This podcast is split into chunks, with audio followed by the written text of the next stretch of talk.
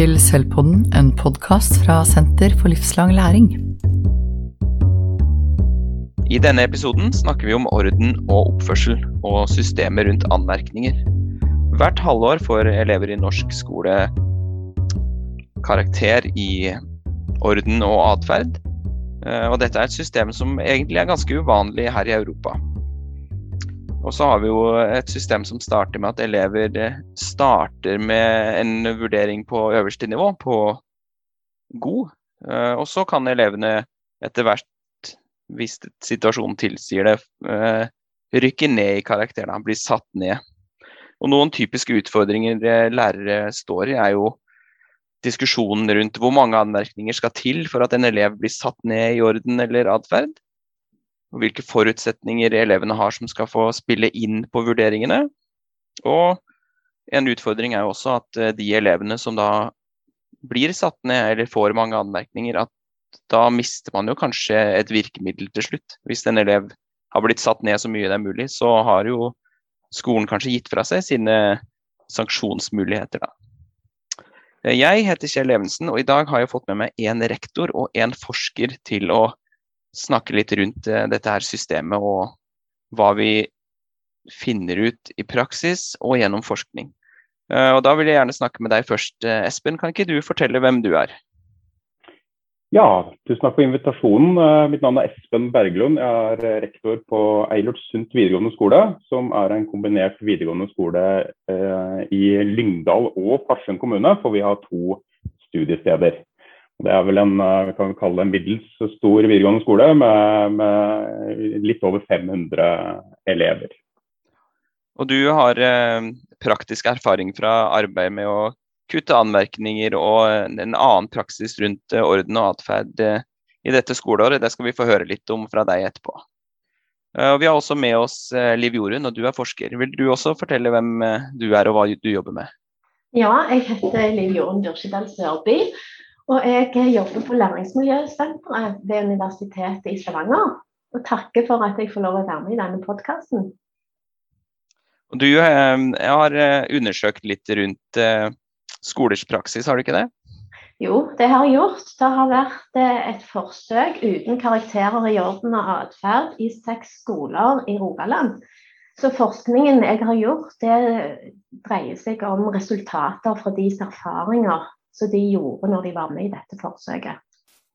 Ja, veldig spennende. Og da tenkte jeg at vi skal høre litt fra Espen og eh, hans skole først, og så skal vi eh, ta inn forskningsblikket etterpå. Men eh, Espen, kan vil du fortelle oss litt da om arbeidet som har blitt gjort på din skole?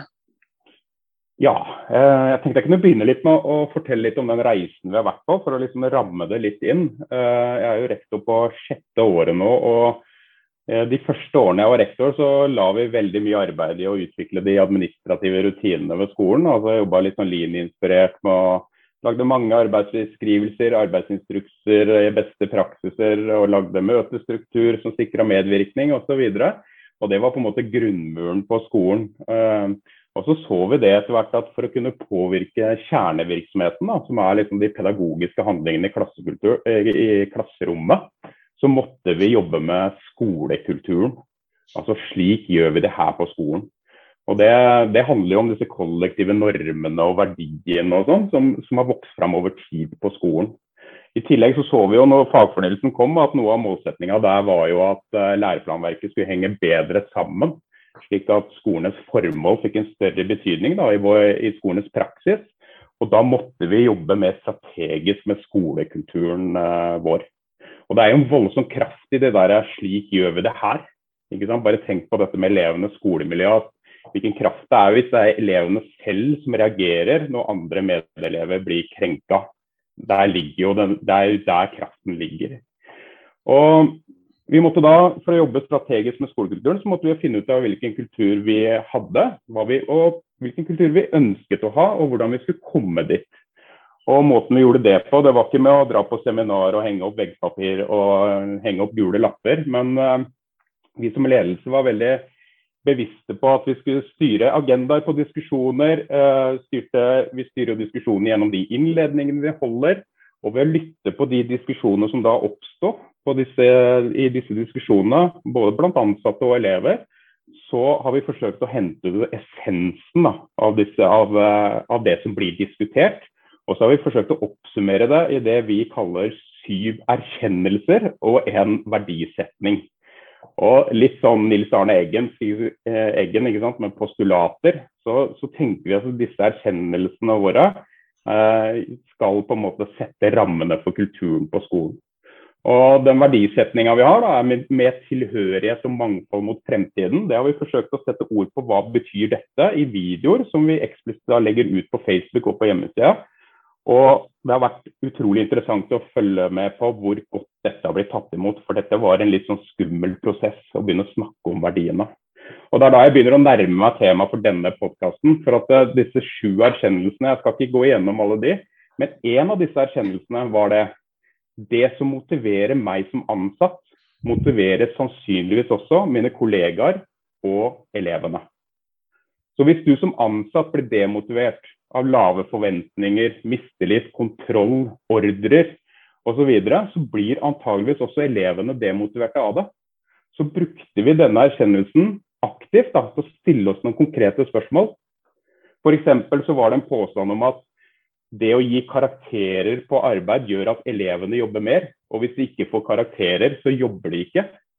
OK, hvis vi bruker da erkjennelsen vår, så snur vi, snur vi det på oss som ansatte ville jeg jobbet med hvis jeg fikk karakterer på det alt jeg gjorde? Sannsynligvis ikke. Og på samme måte brukte vi det på dette med anmerkninger. At eh, hva hvis vi hadde innført et anmerkningssystem på ansatte? At hvis du kom for sent, eller hvis du ikke holdt en tidsfrist, så satte ledelsen anmerkning på det. Det er helt utenkelig å tenke seg at man har et sånt, uh, sånt system og da eh, blei jo egentlig noe av svaret gitt i den diskusjonen. For at det, det er jo, sant, Motivasjonen er jo drivkraften bak all innsats. Og vi tror jo alle på indre motivasjon. Og indre motivasjon får man jo gjennom opplevelsen av autonomi og tilhørighet og mestring. Og det å ha et system å ha anmerkninger, mener vi da, gir ikke autonomi. Det er heller autonomireduserende. Så det vi da gjorde rent sånn konkret i den prosessen, det var jo at vi lagde en intern høring eh, hvor, eh, hvor, det var en fem-seks tiltak som skulle være med i virksomhetsplanen skoleåret etter. Eh, interne høringer ble jo lagt ut både til elever og ansatte. Og Et av tiltakene da, eh, som ble foreslått, det var litt av inspirasjon eh, fra vår naboskole, Byremo videregående, som var den første som skolen som gjorde det her i, her i, nærheten. Men et av forslagene da var å gå bort fra anmerkninger over på mer dialogbasert måte å arbeide på med elevenes sosiale læring. Og Begrunnelsen var jo ikke vanskelig å finne. altså I formålsparagrafen står det at vi skal møte elevene med tillit, respekt og krav. Eh, formålet med vurdering i orden og atferd er å fremme sosial læring. Sikre at elevene har et trygt og godt skolemiljø. Eh, og når vi spør oss sjøl anmerkninger bidrar det til å sikre den sosiale læringa? Eh, for oss ble svaret da igjen eh, selvsagt. Og alle de, eller ikke alle kanskje, det var litt hardt, men de fleste av de som svarte på høringa, var enig i at dette måtte vi, måtte vi, prøve ut. Så vi har gått over til mer sånn, eh, det vi kaller dialogbasert måte å jobbe med elevenes læring. Tenker oss at all undervisnings underveisvurdering i orden atferd skal bidra til å fremme den sosiale læringa. Eh, og vi har lagd en rutinebeskrivelse for hvordan vi skal, hvordan vi skal gjøre det uten uh, anmerkninger.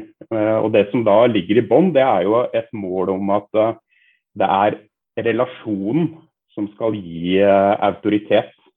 Ikke den posisjonen eller rollen man har på skolen. Så Vi begynte med det i august i år, så vi har ikke veldig lang erfaring. Vi har uh, sagt at vi skal evaluere det grundig uh, rundt uh, mars-april. Og hvis elever og ansatte kommer fram til at dette har vi, lyst til å, vi har lyst til å gå tilbake til et anmerkningssystem, så gjør vi det. Så jeg skal ikke forhåndsprosedere det. Det er ikke min avgjørelse, det skal vi finne ut av sammen på skolen. Men, men det er i hvert fall det vi har gjort til nå. Men, ja, og da lurer jeg på, Har lærerne liksom, og elevene noen eh, måte, umiddelbare reaksjoner, eller er det for tidlig ennå? Det er jo litt tidlig. Eh, det er jo flere ting som har foregått samtidig. her. Vi har bl.a. flytta inn et helt nytt bygg i Farsund, som har gitt oss eh, andre muligheter til å bygge skolefellesskap da, enn vi har hatt før. Men, men, sånn som jeg oppfatter det når jeg snakker med folk, jeg har jo snakka med en del nå før denne podkasten, så er det nesten udelt positivt. det var jo sånn at det å ta bort anmerkninger altså Største redselen var nok det for det var nok sånn at det ble brukt som et sanksjonsmiddel mer enn et middel til å fremme sosial læring. Og klart Hvis du tar bort et sanksjonsmiddel, så ble det litt sånn uh, usikkerhet rundt hva gjør vi da? Uh, så det er klart, Og den diskusjonen, hvilke pedagogiske virkemidler bruker vi da, den er jo levende. Uh, og det, det, det, blir mye diskutert. Men jeg har ikke noe inntrykk av at det er veldig mange som ønsker å gå tilbake igjen til, til anmerkningssystemet som har vært. Det blir veldig spennende å følge prosessen her. Da, og jeg tror vi må ta en ny prat ut på våren og se hvordan, hvordan det har gått og hvordan skolen tenker videre. Da. Um, så Ser du noen sånn umiddelbare liksom, utfordringer sånn situasjonen er akkurat nå? med å ikke ha anmerkninger, tenker du? Ja. Nei, altså Jeg gjør egentlig ikke det. Fordi at eh, det å Altså, største utfordringa er kanskje å, å få, inn, få, tatt i bruk de rutinene vi har lagd. da. Eh, for at vi har jo, vi jo lagd et system hvor det skal eh, følge vårt årshjul for elevoppfølging. At ved visse samtaler mellom kontaktlærer og, og elev skal jo orden og atferd eh, tas opp. Og elevene før foreldresamtalen nå, som skal være gjennomført før 30.11, eh, så skal eleven egenvurdere seg eh, ut fra et eh, vurderings, vurderingskriterier som ligger på skolen. Og så skal det være en gjenstand for en dialog på foreldresamtalen.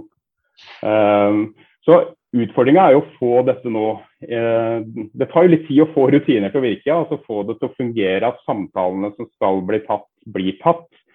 Og at det ikke brer seg en sånn holdning om at dette betyr at det er en sånn skure, uh, altså la det skure-holdning. For det betyr det ikke. Regelbrudd skal påtales. Det skal være klare forventninger til atferd og orden på skolen. Det å ta bort anmerkninger betyr ikke at vi skal ha lavere forventninger. Det skal være tydelig. Så det, uh, det har vi snakka en del om, da. Så, så det er klart det skal bli litt spennende å høre har det blitt mer uro? Kommer flere for seint osv.? Helt sånn konkrete vurderinger. Det har vi ikke gjort ennå, men det skal bli spennende å høre. Mm, ja, det, og det må vi få høre om alle sammen, tror jeg, hvordan eh, dette går. Men Liv Jorunn, du som har da forskningsgrunnlag eh, for dette, kan ikke du fortelle litt om eh, din forskning rundt eh, denne tematikken? Jo, det skal jeg gjøre. Men først vil jeg jo si at det var utrolig spennende å høre på Espen. fordi at mye av det han sier, det kommer òg fram i, i vår forskning. Og Begrunnelsen for forsøket i Rogaland fylkeskommune det var jo å se på om det å utforske eh, og fjerne anmerkninger og karakterer i orden og atferd kan være med på å stimulere nettopp dette arbeidet med elevenes helhetlige sosiale kompetanse. Så skolene tenkte jo på hva slags, eh, hva slags, elevsyn er det vi egentlig ønsker å ha i bånd på skolen vår? Hva slags skolekultur skal vi ha? Eh, og er dette med karakterer i orden og atferd, er det med på å bygge opp under det som kommer fram i forhold til elevsyn i fagfornyelsen? Så det med fant at det er seks skoler som har vært med i forsøket. Eh, det er både yrkesfaglige og studieforberedende skoler. Så noen er kombinerte, og én var ren yrkesfaglig, og to var rene studieforberedende skoler. Og det vi fant, det var at det var faktisk ingen av informantene som sa at skolen de arbeider på, at de ønsker å gå tilbake til en ordning med anmerkninger og karakterer. Det som òg var et ganske stort funn, det var at det opplevdes som en urettferdig ordning. Fordi at en så at uh, det å sette en anmerkning varierte fra skole til skole. Fra lærere på den enkelte skolen og fra klasserom til klasserom. Så praksisen var ikke, ikke lik. Og det var heller det, ingen eh, objektive kriterier for hva som skulle til i forhold til å gi elevene en anmerkning. Og vi så jo at dette slo aller skjevest ut fra, for elever på yrkesfag. Fordi at ja, Det var en elev som sa det sånn, da. Hvis jeg får et hormonutbrudd en dag og har en dårlig atferd, så skal det føre til at jeg får anmerkning og nedsatt karakter, og så hindrer det i neste omgang at jeg får læreplass på skolen.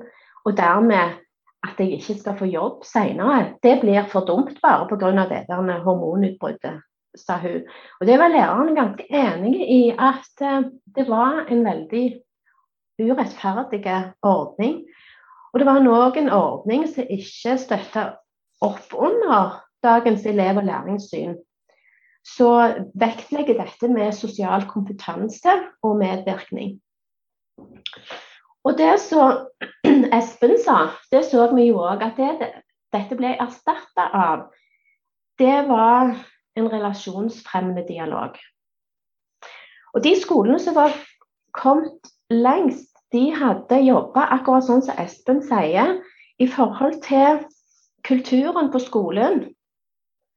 Eh, hva slags elevsyn ønsker vi å ha i bånn? Hva er det vi som skole vil stå for? Eh, vi syns det er viktig med gode relasjoner i skolen.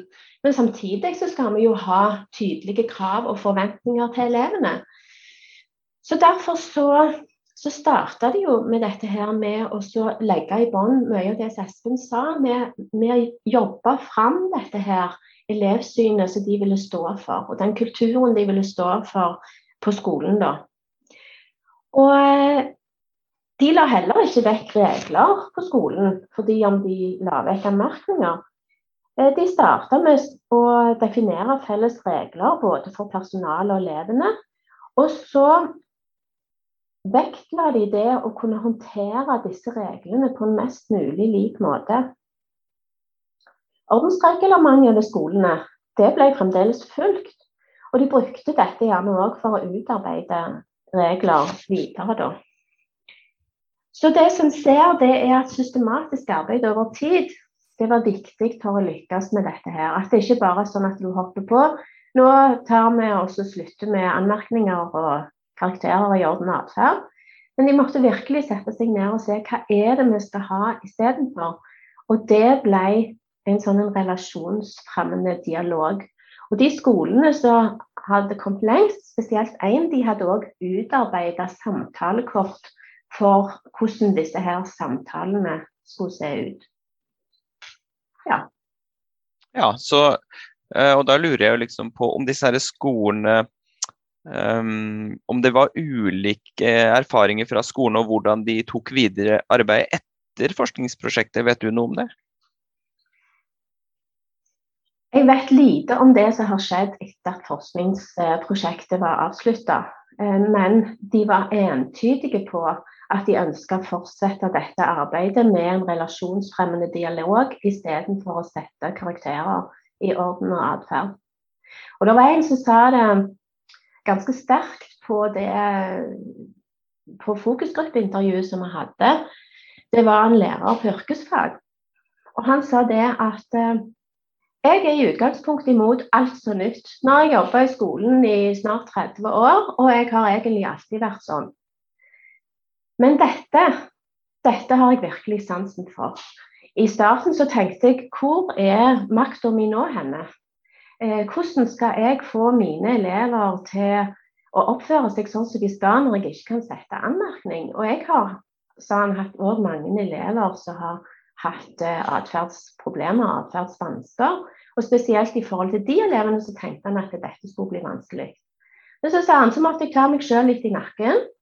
Og så måtte jeg virkelig sette inn på å bygge en god relasjon til elevene istedenfor og bruke virkelig samtaler for en endring av atferd hos eleven. Og det en så, det var jo at nettopp for de elevene som har størst atferdsproblemer, for, for de så virka kanskje dette aller best. Fordi at de hadde jo gjerne fått eh, en haug med anmerkninger den første måneden. Og de hadde allerede fått nedsatt karakter, og da var på en måte løpet kjørt. Mens nå så fikk de mer ansvar for sin egen atferd gjennom samtaler. Og dermed så Det tok jo tid, det er ikke sånn quick fix dette her. Men disse samtalene gjorde at de i større grad tok ansvar for sin egen atferd. Og at de dermed endra den mer positivt enn hva de gjorde når de fikk anmerkninger. Og denne læreren syntes at det var utrolig spennende å se da. Og eh, ja, Ja, Espen, du, ja, nå tror jeg du uh, gjenkjenner noe av det Liv Jorunn uh, snakker om i din egen praksis, kan det stemme? Ja, altså det å, At elevene tar ansvar for egen, uh, egen atferd, det jo, har jo også vært viktig for oss. da. Snakka om disse sju erkjennelsene. og en, en, annen av dem er jo det at vi må heve blikket. Vi må ikke bli nærsynte. Og vårt hovedoppdrag er å ruste elevene for livet. Vårt hovedoppdrag er faktisk ikke å gi elevene best mulig karakterer eller, gjennomføre videregående opplæring, men det er å ruste elevene for livet. altså Åpne dører mot verden og fremtiden, som det står i formålsparagrafen. Og det handler om at elevene skal bli subjekt i eget liv, sånn forstår vi det. Altså de må, de må ta ansvar og føle at det er de som sitter i førersetet i eget liv. Og da må vi jo hjelpe dem med det. Eh, når de er på, er på skolen eh, og er på videregående opplæring. Eh, og det er jo det vi ser at disse dialogene gjør.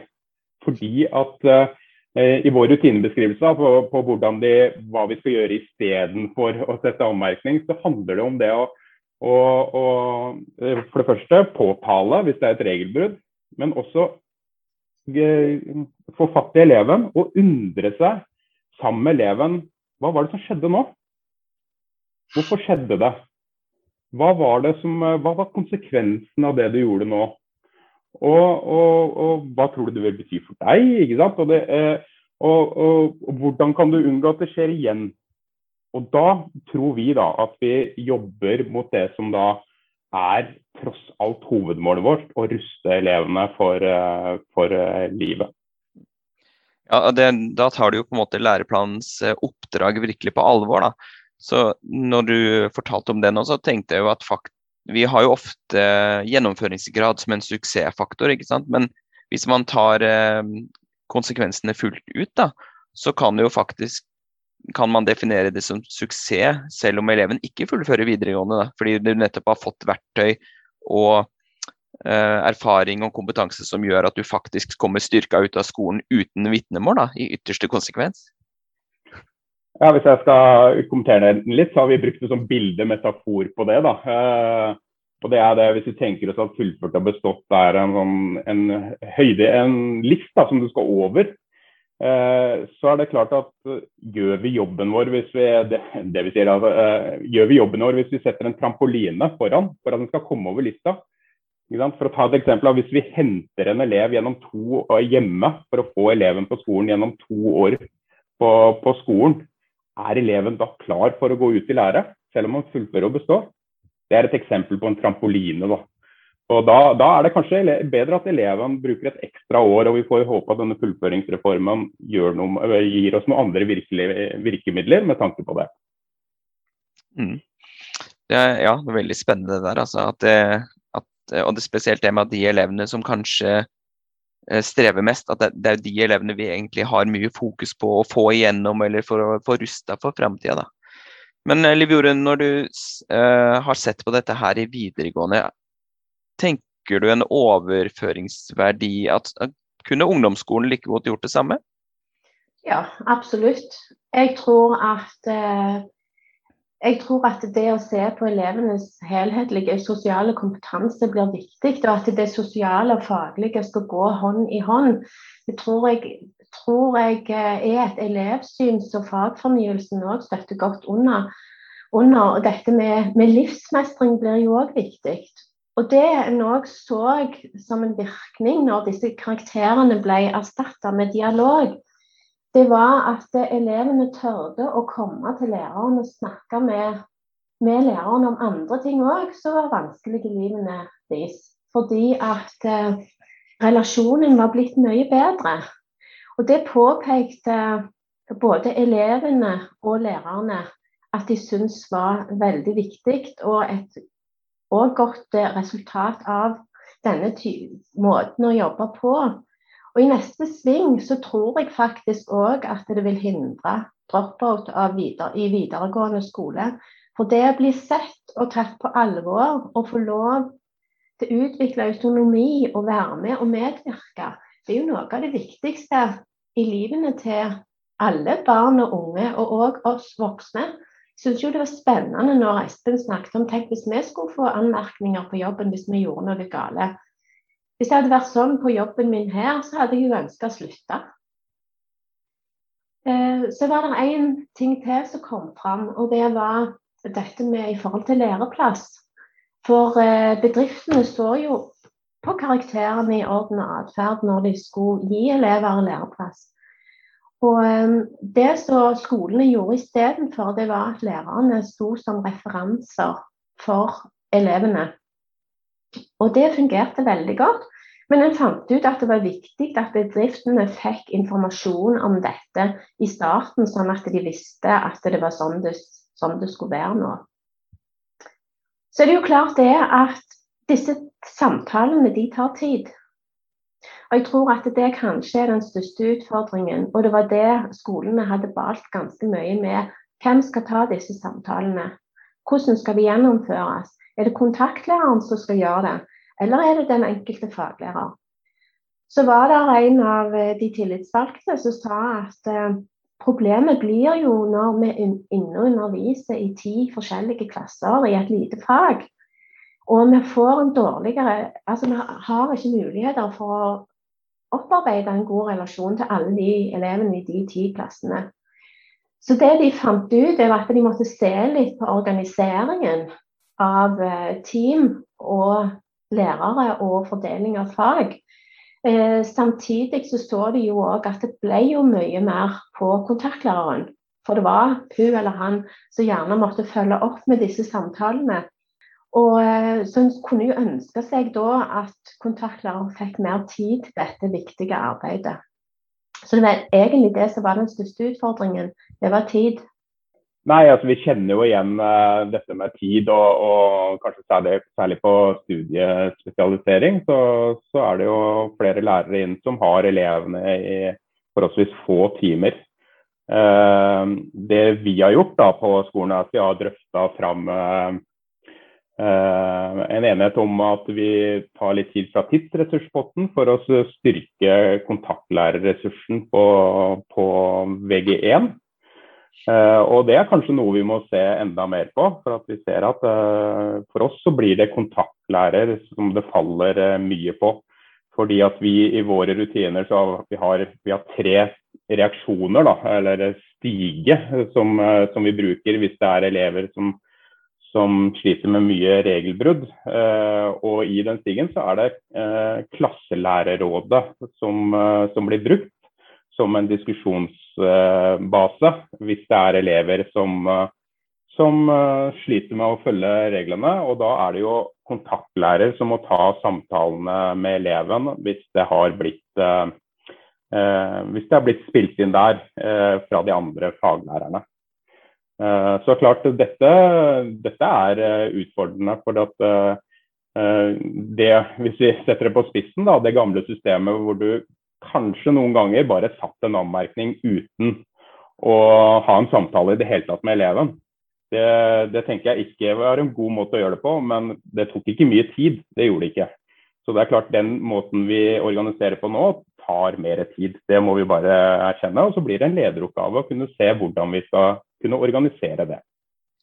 Ja, og det, det med tid er jo en utfordring. og jeg tenker at man i videregående, kanskje spesielt med så mange elever i så mange fag, eh, og også med Det er jo egentlig tilsvarende i grunnskolen, men du, kanskje, du møter jo enda flere elever i videregående. Og så er kontaktlærerressursen egentlig veldig liten. At her har lærerne egentlig litt dårlige rammebetingelser for å løse det oppdraget de har, da. Ja, jeg tror det tvinger fram seg Jeg håper det tvinger fram en, en, en bredere diskusjon rundt det. da. Eh, jeg tror at den kontaktlærerfunksjonen er uhyre viktig og blir egentlig enda viktigere nå hvis vi skal klare å oppnå intensjonene i fagfornyelsen. Fordi at det krever at vi er tett på elevene, at vi har dialoger, at vi utfordrer elevene, undrer oss sammen med elevene, får elevene aktive, som jeg snakka om i stad. Eh, og det krever tid. Altså. Så, så jeg håper jo at dette dette kan bli løfta opp og bli en mer sentral del av diskusjonene som foregår uh, på et høyere nivå enn på skolenivå. Mm, så her har vi et uh, klart innspill til skolemyndighetene for å gjøre, gjøre, rammebetingelsene for en god jobb enda bedre for lærerne. Mm. Liv Jorunn, du har jo ikke direkte forska på dette med karakterer i fag. Men jeg lurer på, ut fra din, uh, den forskningen og erfaringa du har, og så kan vi tillate oss å synse litt, kanskje. Ehm, ser du noen overføringsverdi til hvordan vi vurderer elevers arbeid med karakterer i fag? Ja, jeg gjør òg det. Og nå må jeg bare presisere at nå er det egen synsing. For du sa jeg skulle få lov å synse litt. Eh, det jeg tenker, det er at eh, hva slags kunnskap er det dagens samfunn trenger? trenger et samfunn i dag at elevene skal kunne mest mulig fakta om ting, så de klarer jeg holdt på å si, å spy ut på noen minutter. Sånn som noen av prøvene i skolen er i dag, at de skal, skal, skal spy ut mest mulig kunnskap på kortest mulig tid. Altså du måler hvor flinke de er til å huske. Så jeg tenker at vi må på et tidspunkt begynne å vurdere hva er det vi er ute etter. Jo, vi er ute etter at elevene kan se sammenhenger mellom alle disse faktaene. At de klarer å reflektere på et ganske høyt nivå og sette sammen og presentere. Eh, finne gode begrunnelser for argumentene sine. Nå sier jeg ikke at det ikke har vært en dreining i skolen mot, de, mot en endring av en vurderingspraksis, for det tror jeg nok, og vet jeg nok at det har blitt gjort. Sånn at en har andre måter å vurdere på enn akkurat disse her prøvene hvor en skal eh, skrive ned det en kan fortest mulig. Um, men at en òg vurderer presentasjoner muntlig. Altså Og så er det jo den, den, det evige spørsmålet hva Hvordan er det vi vurderer hvem som er flinke til hva? For jeg tror at vi går glipp av mange som kunne gjort en veldig god jobb i flere forskjellige yrker om de kanskje hadde fått muligheten til å bli vurdert på en annen måte enn med karakterer. Så jeg tror vi mister mye ressurser på den måten. Så kanskje vi bør begynne å tenke på hvordan vi kan erstatte karakterer med noe annet. Ja, eh, nå kommer jeg stadig vekk til disse erkjennelsen vår, da, kulturen vår. altså En annen av de, de erkjennelsene har jo vært det, har vi stjålet en formulering fra Nils Håkon Nordberg, som har skrevet en bok om en vurdering uten prøver. Han sier at eh, vi er oppe i en didaktisk revolusjon.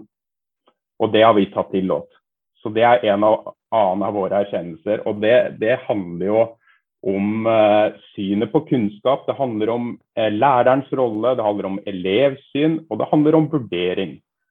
Eh, og her kunne jeg, kunne jeg snakka mye, og det krever nok en egen episode også, for det er et veldig veldig spennende tema. Men vi, vi mener jo alt dette hører sammen i en helhet. Da. Det er jo derfor vi har prøvd å lage disse erkjennelsene og, og, og, sette ord på den kulturen.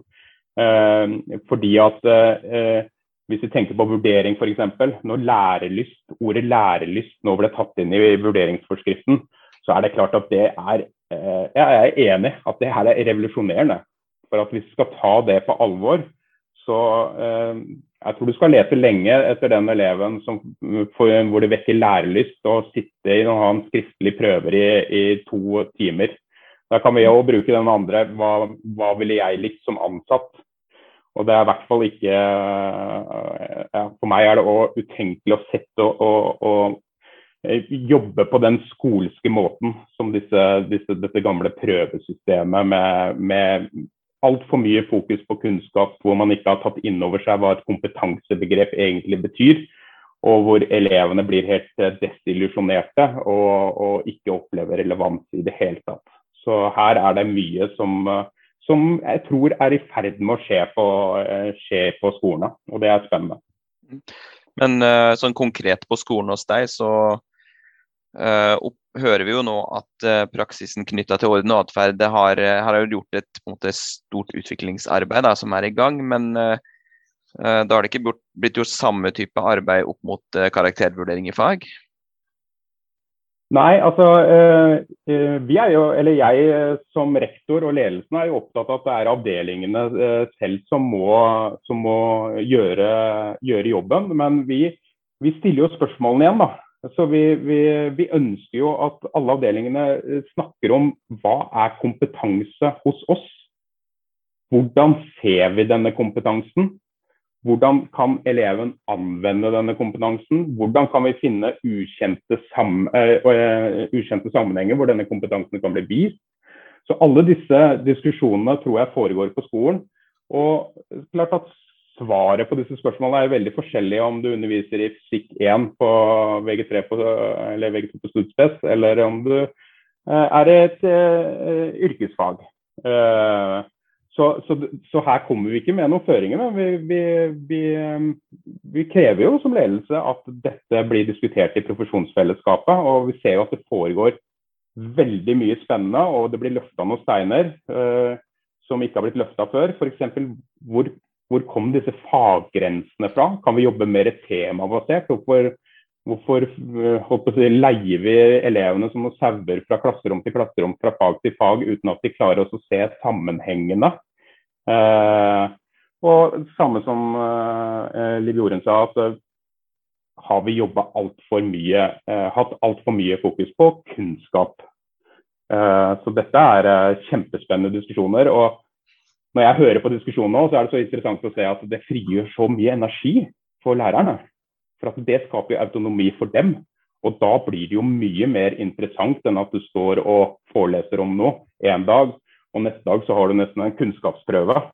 Og, og, og, og så setter du en karakter, og så liksom, kan du få eleven gjennom. For dette, noe av dette er gjort i gjennomføringens navn, da, for å få elevene gjennom.